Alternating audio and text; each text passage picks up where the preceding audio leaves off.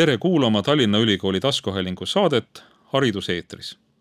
täna räägime võõrkeeltest, nende õppimisest ja ka õpetamisest, näiteks sellest, kas inglise keelt saame enam üldse pidada võõrkeeleks ja kas prantsuse keelel on tema omaaegne võlu ikka veel alles. stuudios on Tallinna Ülikooli prantsuse keele dotsent Merilin Meristo, mina olen ülikooli kommunikatsioonijuht Sulev Oll aga läheks kõigepealt selle prantsuse keele juurde ja ja mis sind prantsuse keele juures võlub, on võlunud ja kuidas sa üldse sattusid tema juurde? sellele on hästi raske üheselt vastata. et minu äh, suhe prantsuse keelega on olnud hästi mitmeetapiline. Äh, ma vaimustusin sellest keelest, kui ma olin kas viiendas või kuuendas klassis ja minu koolis seda õppida ei saanud, mina olin inglise keele äh, kallakuga koolis, aga sellel ajal oli hästi populaarne laul Voyage, Voyage ja ma võisin lõputult seda peast kaasa laulda, saamata sõnakestki aru, noh, voyage'i sõna oli selge ja, ja sealt edasi oli nagu kuidagi iseenesestmõistetav, et prantsuse keel, see on minu keel. aga ma ei jõudnud tema juurde lähima kümne aasta jooksul. gümnaasiumis oli võimalik õppida itaalia keelt äh, siis ma vaimustusin, armusin Itaaliasse, Itaalia kultuuri, kõigesse sellesse. Prantsuse keelt ei olnud sellel hetkel minu jaoks olemas läksin Itaaliasse, ajasin stipendiumi välja ja lõpuks pärast kooli jõudsin äh, humanitaarinstituuti, kus ma hakkasin siis itaalia keelt õppima ja seal oli vaja võtta juurde teine keel. ja noh, see tundus nagu loomulik, et hea küll, olgu selleks siis prantsuse keel.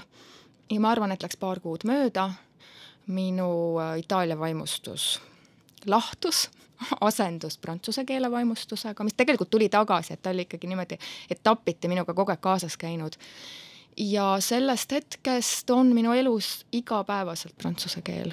aga ütleme, et diplomiteni ja ülikooli lõpetamisteni läks sealt omajagu aega. mida tähendab üldse mõiste oskan võõrkeelt? see tähendab seda, mida see inimene, kes seda ütleb, sellega parasjagu mõtleb ja nii keeruline see tegelikult ongi. üks oskab keelt, kui ta saab tervituste suhtlemisega hakkama, teise jaoks on keele oskamine, peab olema absoluutselt kõrgeim võimalik tase, vastasel juhul ei tohi seda sõna kasutada. et siin tuleb ikkagi see inimese enda arusaam mängu. mina lähtun ikkagi sellest, et kui ma ütlen, et ma oskan keelt, siis ma olen võimeline seda ka mõne äh, rahvusvahelise keeleeksamiga tõestama.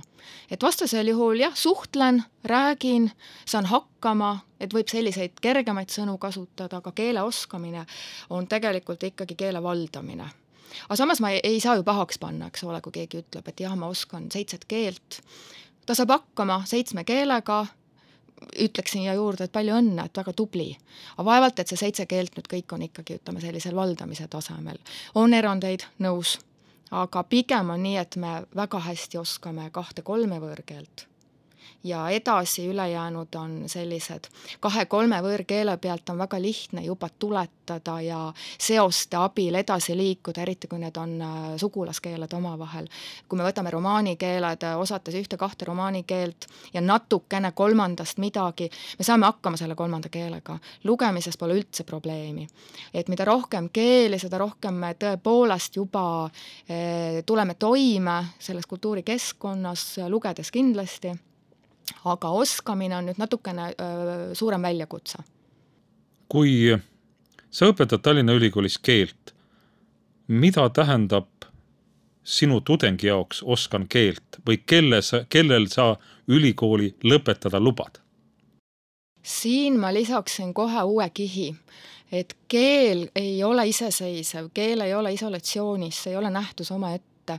keel on üks pisike pusletükikene kogu suures kultuuriruumis. Ja kultuur on siin kõige laiemas tähenduses, ajalugu, kirjandus, ühiskond, erinevad sotsiaalsed kihid, mis kõik toimub sellel hetkel selles kultuuriruumis.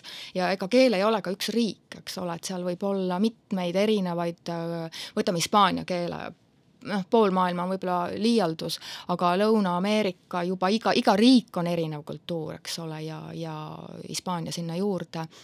et äh, inimene, kes lõpetab ülikooli ja ütleb, et ta oskab keelt, tegelikult tunneb süviti, kes on keel, keeleõpingud lõpetanud, tunneb süviti sihtkeelemaade kultuuriruumi kogu selles sügavuses ja see, mida ta ei tunne, mida ta ei oska veel, milleni ta pole jõudnud, ta teab, kuidas sinna jõuda see on nagu hästi oluline, et me ei saa olla spetsialistid, eksperdid kõiges, aga me saame siit kaasa teadmised, kuidas ennast veel edasi täiendada.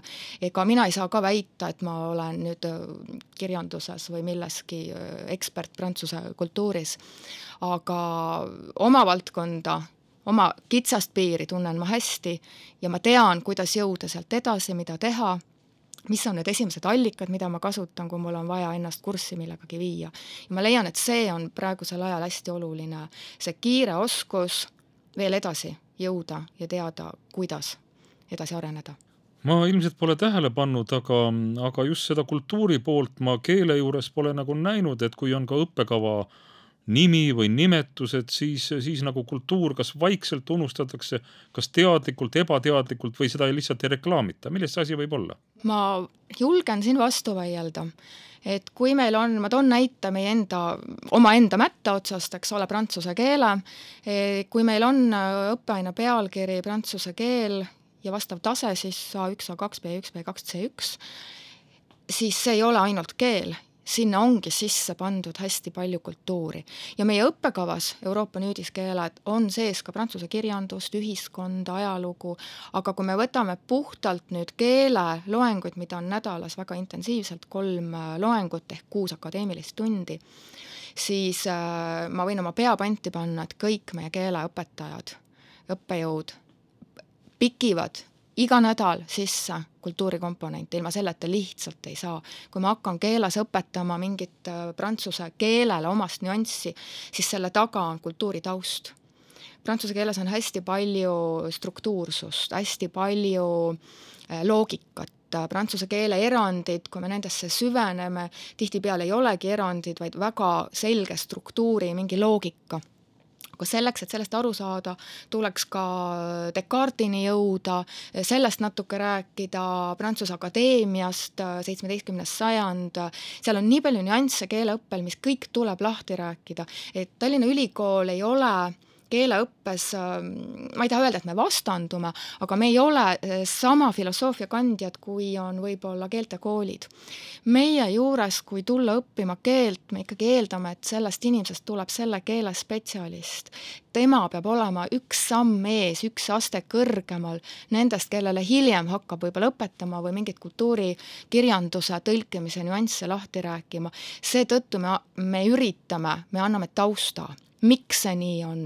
et üks asi on õppida keelt, et vot nüüd prantsuse keeles nii öeldakse, see tuleb pähe õppida, selgeks saada, siin on need ja need reeglid ja et, et suhtlemiseks võib-olla piisaks, ei olekski rohkem vaja, et lihtsalt hakkama saada eh, sealses eh, ühiskonnas aga selleks, et ise selle keele spetsialistina mõista, aga kust see tuleb, aga miks nad nii ütlevad, et kui ma oskan itaalia või hispaania keelt, aga seal ei ole seda nüanssi, et kust see vahe tuleb. meie roll on selgitada, meie roll on anda see taust, sest meie juurest lähevad välja spetsialistid. nimeta palun veel selle õppekava nimi ja räägi, millest see täpsemalt koosneb? Euroopa nüüdiskeeled on, äh, koosneb viiest äh, harust, me, see tähendab, et on võimalik tulla õppima inglise keelt, peaerialana, saksa keelt peaerialana ja kolme romaani keelt, milleks on siis kas prantsuse, kas hispaania või itaalia keel. ja meie kõige suuremaks eripäraks või plussiks, ma ütleksin, on ka see, et kui me räägime romaani keeltest, siis on võimalik tulla neid niimoodi õppima, et, et äh, õpingud algavad nulltasemest. me ei eelda, et äh, tullakse itaalia keeles juba kõrgtasemega. küll aga on see piirang äh, näiteks inglise keele puhul, et, et inglise keelt õpitakse kõikides koolides tänasel hetkel, et seal on sisseastumisnõue juba B2 tase. teistes keeltes ei ole ja romaani keeltel see on avanud meile väga palju uksi just nendest koolidest, kus ei ole romaani keelte õpetamist, e, aga huvi õpilastel on olnud ja nad on kõik teretulnud ja nende seas on väga-väga motiveerituid, et rõõm on näha, et siis, kui meil oli see õppekava muudatus e, juba hea hulk aastaid tagasi, kus võeti vastu see otsus, et saab tulla e, nulltasemega, siis oli rõõm märgata just seda, et ei olnud ainult need, et oh, huvitav uus keel, romantika, lähen vaatan, nuusutan, vaid ikka tõsise keeleõppe huviga noori tuli meile. sa mainisid siin just inglise keelt ka, et B2 on juba nii-öelda lähtetase et kas on niimoodi, et inglise keel nagu on, on siiski, ma ei tea, teistest lahti rebinud või eraldi rebinud, et kas sa vaatad ka nagu kadedusega kuidagi prantsuse keele poole pealt inglise keele suunas? Ma ei saa siin kadedust väljendada, sest ma ise tulen inglise keele taustaga koolist. ja inglise keelel on minu südames hästi suur koht, et ma ei ole kunagi mõelnud, et inglise keel oleks kuidagi konkureeriv. see, et tema roll Eesti ühiskonnas on võõrkeel number üks, see on, see lihtsalt on nii ja ma isegi ei ütleks, et see on paratamatus, vaid see on hästi tore. see on keel, millega maailmas suheldakse äh, Euroopa kultuuriruumis äh, anglo, anglosaksi ja kaugemale. selle keelega saab Aasias hakkama, kui, kui muid keeli käepärast ei ole. et kindlasti ei saa suhtuda nii, et inglise keelt võib-olla kuidagi pisendada ja teisi ju tõsta, vaid ma ikka arvan, et olgu see üks siis süviti ja hästi ja kindlasti sinna teisi juurde. pigem torkab mulle silma see, et, et noh, kuna Eesti koolil on hästi suur autonoomsus koolijuhil, et silma torkab see, et on koole, kus on keeleõppele siis keeled lisaks inglise keelele pööratud suurt tähelepanu, sisse on toodud erinev valik, mõnel puhul on isegi tehtud kohustuslik teatud keelevalikute seast, et sa pead ka kolmanda võõrkeele omale võtma et see suhtumine on äh, hästi keeleõpet toetav, samas on koole, kus äh, keeleõpet ei pakuta lisaks inglise-vene keelele, kolmandat väga ei ole või on ta nii äh, vabatahtlik, et seal ei pruugi tulla seda keelerühma kokku ja siis seda ei avata, et see pilt on hästi kirju. siin oleks küll vähemalt minu selline väga tungiv soovitus, et keel on kogu eluks, keeleõppe alused, isegi kui kooli lõppedes õpilane võib-olla kohe selle keelega edasi ei tegele, ta jääb alati kuhugile sisse alles, sealt on hea võtta see sahtel lahti tõmmata, hakata selle keelega edasi tegelema. ja nagu ma ütlesin, üks lisakeel on lisauks lisakultuuriruumi ja silmaring ja kõik, mis sellega kaasneb, võib-olla karjäärivõimalused suuremad, kõik, mis on noorena alustatud ja eriti, mis puudutab keeleõppes, seda on nii palju lihtsam edasi õppida, uuesti taas alustada, kui selle asemel, et ma nüüd täiskasvanuna otsustan, et hakkan nüüd nullist, seal on lihtsalt psühholoogiline tõrge, ega seal muud ei ole. inimene on võimeline igas vanuses äh, võõrkeelt õppima, pigem seda äh, kogemust, keeleõppe kogemust on vähem ja selle tõttu on see algus raskem.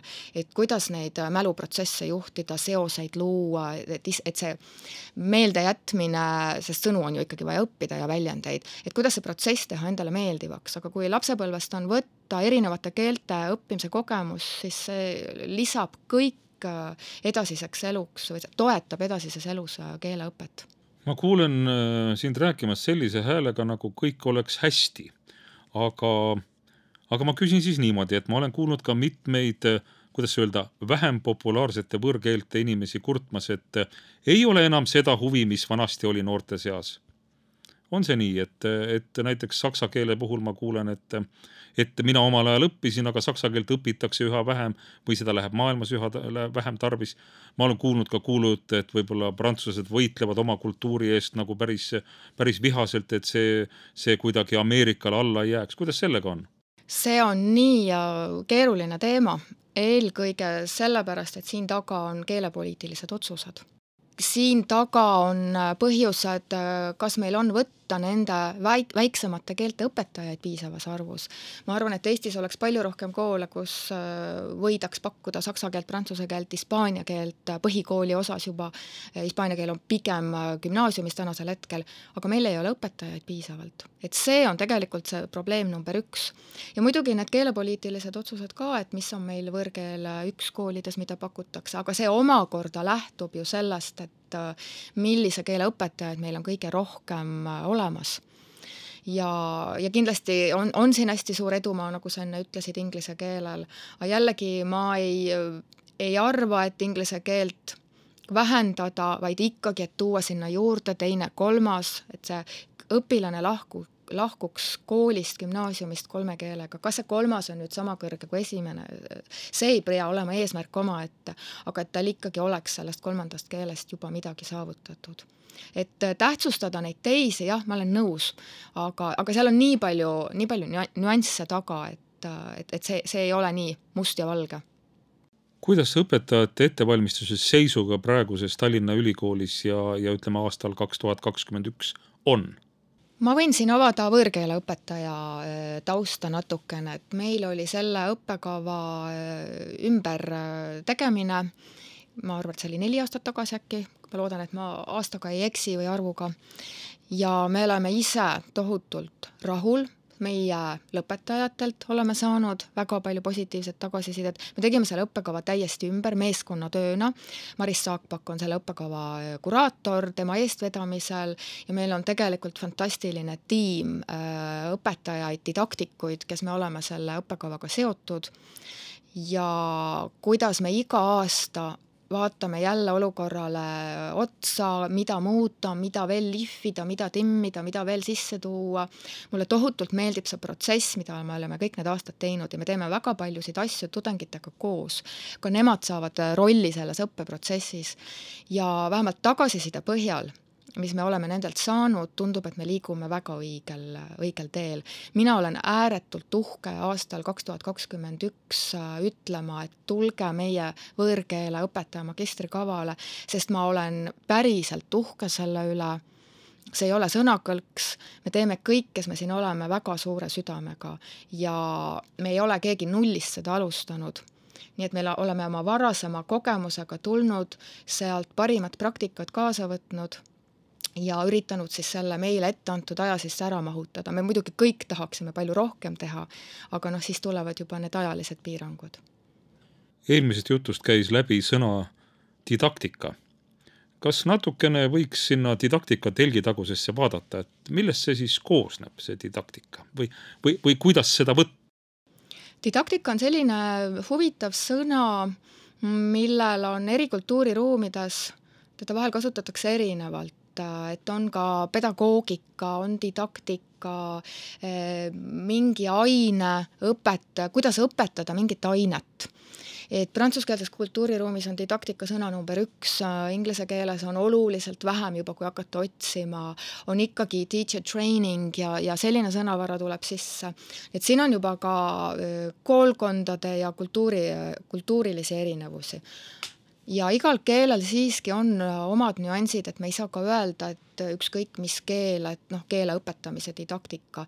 jah, äh, keele omandamise teooriad ei ole keelespetsiifilised, aga kõik, mis puudutab, et kuidas õpetada mõnes keeles hääldus, kuidas teises keeles grammatika, seal on omad nüansid, et ikkagi sellega peab olema kursis ja meie kõik omavahel, see meie väikene võõrkeeleõpetajate didaktikute seltskond, meil on omavahel kokkusaamised, kus me arutame ka viimast värsket teaduskirjandust ja kõik see lisabki sellele sellist et me toetume värsketele teadusuuringutele, vaatame, mida annaks kohendada, kasutusele võtta siin meie, meie keskkonnas et see kõik muudab selle hästi põnevaks, et see on valdkond, didaktika, kus kogu aeg midagi tehakse, jälle seal ei tule selliseid äh, maad raputavaid äh, uudiseid, kindlasti mitte.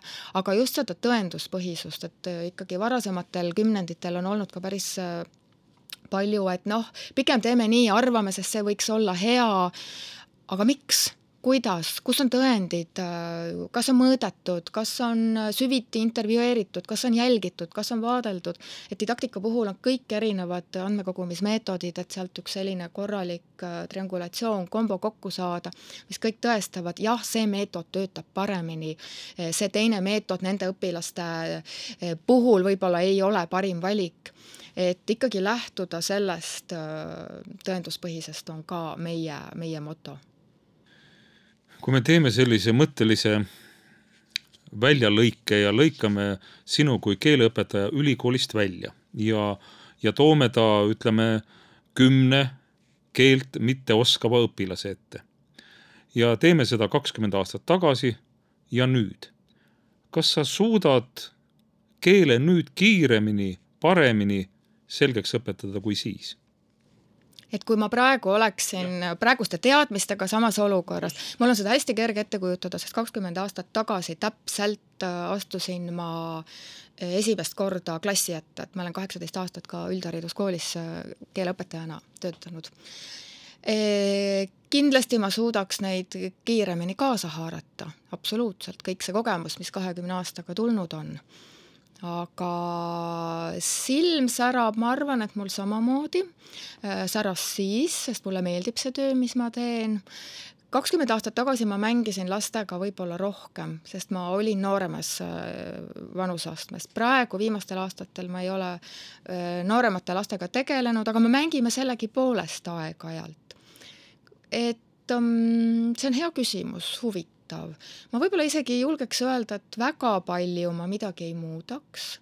ma reflekteerin hästi tihti, mul on see omane kuidagi juba õpingutest, õpingute aegade algusest, mõelda, mis töötas hästi, mis töötas halvasti ja eriti need, et miks hästi töötas, ma käin need kogu aeg, kui ma kõnnin koju näiteks või koeraga väljas, ma käin hästi tihti läbi, ah oh,, see oli täna nii äge, et aga miks see täna oli äge. ja võib-olla see on see, mis on mind kogu aeg hoidnud vee peal, et ma taaskasutan neid samu võtteid, mis töötasid hästi, sest ma olen nad peas läbi mõelnud ja ma kasutan neid uuesti, et ma ei ole nagu jätnud juhuse hooleks, et oh, täna läks hästi, vedas.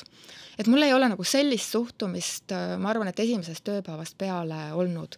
ja äkki see on mind aidanud, et äh, ülikoolis äh, olid nii head õppejõud, kes õpetasid just enda tööd reflekteerima kuivõrd saab usaldada neid inimesi keeleõpetajana, kes on just ülikooli diplomi kätte saanud, on nad päris valmis või millal nad päris valmis saavad?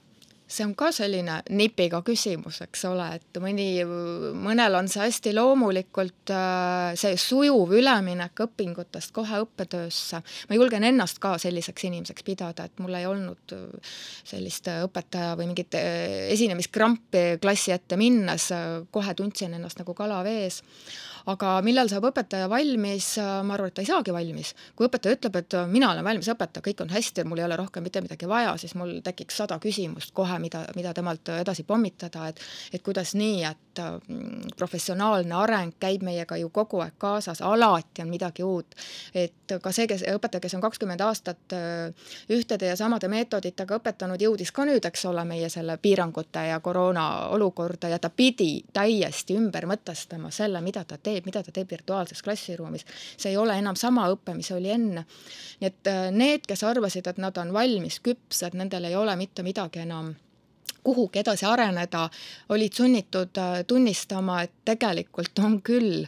ja, ja võib-olla nüüd äh, on vähemalt minu tutvusringkonnas õpetajate seas on seda suhtumist hästi palju, et kui ma enne ei kasutanud digivahendeid nii palju, et need olid sellised harvad külalised, siis nüüd ma olen nii suure enesekindluse saanud, et kui ma lähen klassiruumi tagasi, et ma kindlasti jätkan teatud digivahendite kasutamist, et ta varem tundus olevat rohkem selline kohustuslik element võib-olla kooli juhtkonna poolt, et peab, peab, et me oleme digiriik, hakake kasutama, tehke. olid neid, kes tulid sellega kohe kaasa rõõmuga, aga väga palju oli skeptikuid ka, et no miks ma pean ennast muutma, kui need meetodid, mida ma kasutan, töötavad hästi. ja see ongi võib-olla see põrkumise koht, et kui ma arvan, et ma olen hea õpetaja ja nagu sa enne küsisid, et kas kakskümmend aastat tagasi ma olin samasugune kui praegu et ikkagi kogu aeg olla kursis äh, ega meetodite seas, jah, meil on see eklektika ju kogu aeg siin äh, viimased paarkümmend aastat olnud, aga kas või iseenda töö jaoks midagi muuta et kas rutiiniks ei lähe, et kui ma teen kakskümmend aastat kogu aeg ühte sedasama ja isegi kui ma arvan, et see töötab, jällegi, et kust ma seda tõendust olen saanud, et kas mul on nii veenev tagasiside õpilastelt ja õpilased on nii ausad, et sealt tuleb alati midagi, mis sunnib kokku võtma ja otsima uusi lahendusi, et järelikult ma ikkagi, kui ma väidan, et ma ei pea edasi arenema, et ma olen valmis, siis mul ei ole õpilastelt küsit-, küsitud sellist tagasisidet, sest et nendelt tuleb nii äh, ootamatuid ideid, et äh, ja kui sa tahad olla nendega võrdväärne ja pakkuda nendele seda toetavat õpikeskkonda, siis sa pead nende tagasisidet arvesse võtma ja see sunnib sind kogu aeg edasi arenema ja tegelikult ma ei tahakigi seda sõna sundima kasutada, vaid see võiks olla selline meeldiv, et professionaalselt hoida ennast kursis sellega, mis toimub ja võtta endale vastavad äh, nipid, uued, ma isegi ei nimetaks meetoditeks, aga võib-olla mingid uued võtted, nipid sinna tundi, midagi teha teistmoodi, mida mina ei ole võib-olla varem tei-, teinud.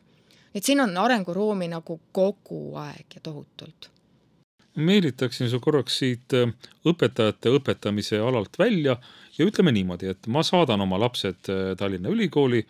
Nad äh, asuvad, asuvad siis õppima hoolega Euroopa nüüdiskeeli, aga mul endal hakkab kodus igav. kas ma üksinda võiksin pusida ka mõnda keelt õppida või on see lootusetu üritus? ma ei ütleks, et see on lootusetu üritus, aga ma kõigepealt küsiksin vastu, mis on sinu eesmärk ja motiiv seda keelt õppima hakata, et see on tegelikult ka äh, see põhivastus, et kas see töötab, sinu iseõppimine või mitte. ma ei tahaks äh, seltskonnas rumalaks jääda, kui minult midagi küsitakse ja ma piirdun ainult vastusega sorry motiiv ei ole väga äh, tugevalt äh, seotud sisemise motivatsiooniga, et see on pigem äh, välimine motivatsioon ja sellega on meil lood natukene kehvemad. muidugi välise motivatsiooni abil saab õppida ja saab pingutada, aga need tulemused kestavad vähem ja see on üks rist ja viletsus ja, ja see ei tööta eriti hästi. nüüd sa võiksid mõelda pigem, et kuhu sa tulevikus kas sul läheks seda keelt vaja, kas sulle meeldib üldse keeli õppida, kas sulle meeldib õppida, et kui see pakuks sulle natukene rohkem selliseid sisemise vajaduse mm, äh, täitmist, et siis see töötaks, töötaks enamat ja siis sa astuksid välja sellest ringist, et sa võtad ainult ühe äpi ja hakkad sealt äh, tuimalt äh, sõnu plõksutama. Need on väga head lisavahendid, aga need ei ole kindlasti nüüd, millega ühe keele selgeks saab. ja et, et siis sa astuksid sealt välja ja, ja tutvuksid võib-olla mõne keeleõppega, internetis on ka neid olemas, et kui sa kuhugi kursusele ei lähe, et sa ühesõnaga avaksid endale uusi uksi. kui see ongi nüüd see, et, et sa seltskonnas ei taha rumalaks jääda, siis ma kardan, et see eesmärk ei pruugi saada täidetud. ma ei kujuta ette, et sa üksi kodus olles mm, et, et mida sa üldse peaksid seal õppima hakkama, et nüüd seltskonnas võõrkeelega hiilata võtta, et see on juba eos üsna selline ülesanne, et äh, mitte väga eduka lõpuga. nii, aga siis palun ütle, missuguse motivatsiooniga võiks olla see noor, kes nüüd sisse astub ja ka saab? sellel noorel võiks olla äh, enda jaoks selge arusaam, miks ta tuleb meile õppima. ja selles, kui, äh, kui see motivatsioon ei ole nüüd tingimata, et, et ma ta-, et mulle meeldib, ma naudin keelte õppimist, siis selles ei ole midagi halba. et see nautimine on ka natukene selline äh, kahe otsaga asi, et, et ma ikkagi pean nägema selle nautimise taga ka mingisugust äh, olulisust iseendale ja kui ta saab aru, miks ta tuleb seda äh, keelt õppima, kus ta ennast näeb viie-kümne aasta pärast selle keelega, siis on kõik korras. et tal peaksid olema sellised vastused ta võib-olla tõesti ei nimeta, mis töökohta, aga on see kirjanduse valdkond, soovib ta minna edasi õppima poliitikateadust, rahvusvahelised suhted, võõrkeele oskus annab nii palju juurde ka teistele erialadele. meil on kusjuures äh, päris tore tendents, et meile tullakse õppima, tulevad õppima ka sellised inimesed, kellel on juba mõni eelnev äh, haridus olemas. Ja nüüd see võõrkeel täiendaks justkui tema sellist isiklikku terviklikku arengupilti, miks mitte ka karjäärivõimalusi tööl, näiteks äh, Aasia suunakeeled millest, millel on hästi palju rakendusi, et siin võib loetleda üles väga palju erinevaid, alates majandussuhetest kuni, kuni väga peene tõlke, tõlkeni, et neid spetsialiste nendes keeltes on hästi vähe. aga et sellel noorel inimesel võiks olla arusaam, miks, lihtsalt see vastus, et oh, nii tore, ma tahaks ka osata. see on hea algus, sealt võiks mõelda ühe sammu edasi. et siis ilmselt on ta küpsem tulema õppima nüüd viimane küsimus, milleks vastamiseks ma annan pisut rohkem aega. kuna see küsimus kõlab nii. kas on mingi teema, millel sa oleksid veel tahtnud kindlasti siin ära rääkida, aga ma ei osanud küsida? võib-olla arutaks korraks äh, veel selle üle, et ähm, eelkoolieas võõrkeelte õppimine, et see on mulle viimasel ajal hästi südamelähedaseks saanud, sest sellest räägitakse palju, seda küsitakse palju ja ma olen siin hiljuti teinud päris mitmeid intervjuusid, kus on see esile tulnud sellisel viisil, et lapsevanemad kelle laps käib lasteaiarühmas, kus kas õpitakse võõrkeelt ma ei taandaks seda siin inglise keelele, aga, aga noh, ta kipub pigem, ütleme siis hea küll, et see on inglise keel, või käib seal rühmas mõni äh, võõrkeelne laps, kus suhtluskeeleks on inglise keel, ta võib olla ükskõik mis rahvusest. Äh, või on äh, tegemist lapsega, kes vaatab hästi palju multikaid, arvutimänge, ma räägin kool, eelkooli east, eks ole. Ja, ja siis on lapsevanemate suust kostab hästi palju seda, et oh, inglise keel on juba käes, sellega on korras, et äh, ma julgen siin olla väga skeptiline ja, ja rikkuda mõne inimese selline unistus või, või helge arusaam, et äh, keel ei ole äh, valmis, keel vajab kogu aeg toitmist. Passiivne keel, jah, see võib-olla jääb alles, aga kui hakata mõtlema, et lasteaiaealine, kui ta on veel seal noorem, kolme-nelja-aastane, kui, kui rikas ja suur tema sõnavara ka emakeeles üldse on. see, et ta saab liivakastis inglise keeles suheldud, noh, suurepärane. Aga me ei saa sellest ju järeldada, eks ole, et tal on see inglise keel suus, aga seda suhtumist on viimasel ajal väga palju tulnud vastu, et äh, või tulnud ette, et, äh, et see, see keel on käes, et noh, võtame nüüd midagi järgmist. kindlasti vajab see inglise keel nüüd väga tõsiselt äh, edasiarendamist, sest ega sellel liivakasti ääres ka eesti keel ei ole ju veel valmis kui palju nad veel vigu teevad, miks me õpime kaksteist aastat eesti keelt äh, ja, ja ikka lõpetame kooli ja kokku-lahku reegleid, kirjutamise reegleid ei tea ja komasid panna ei oska.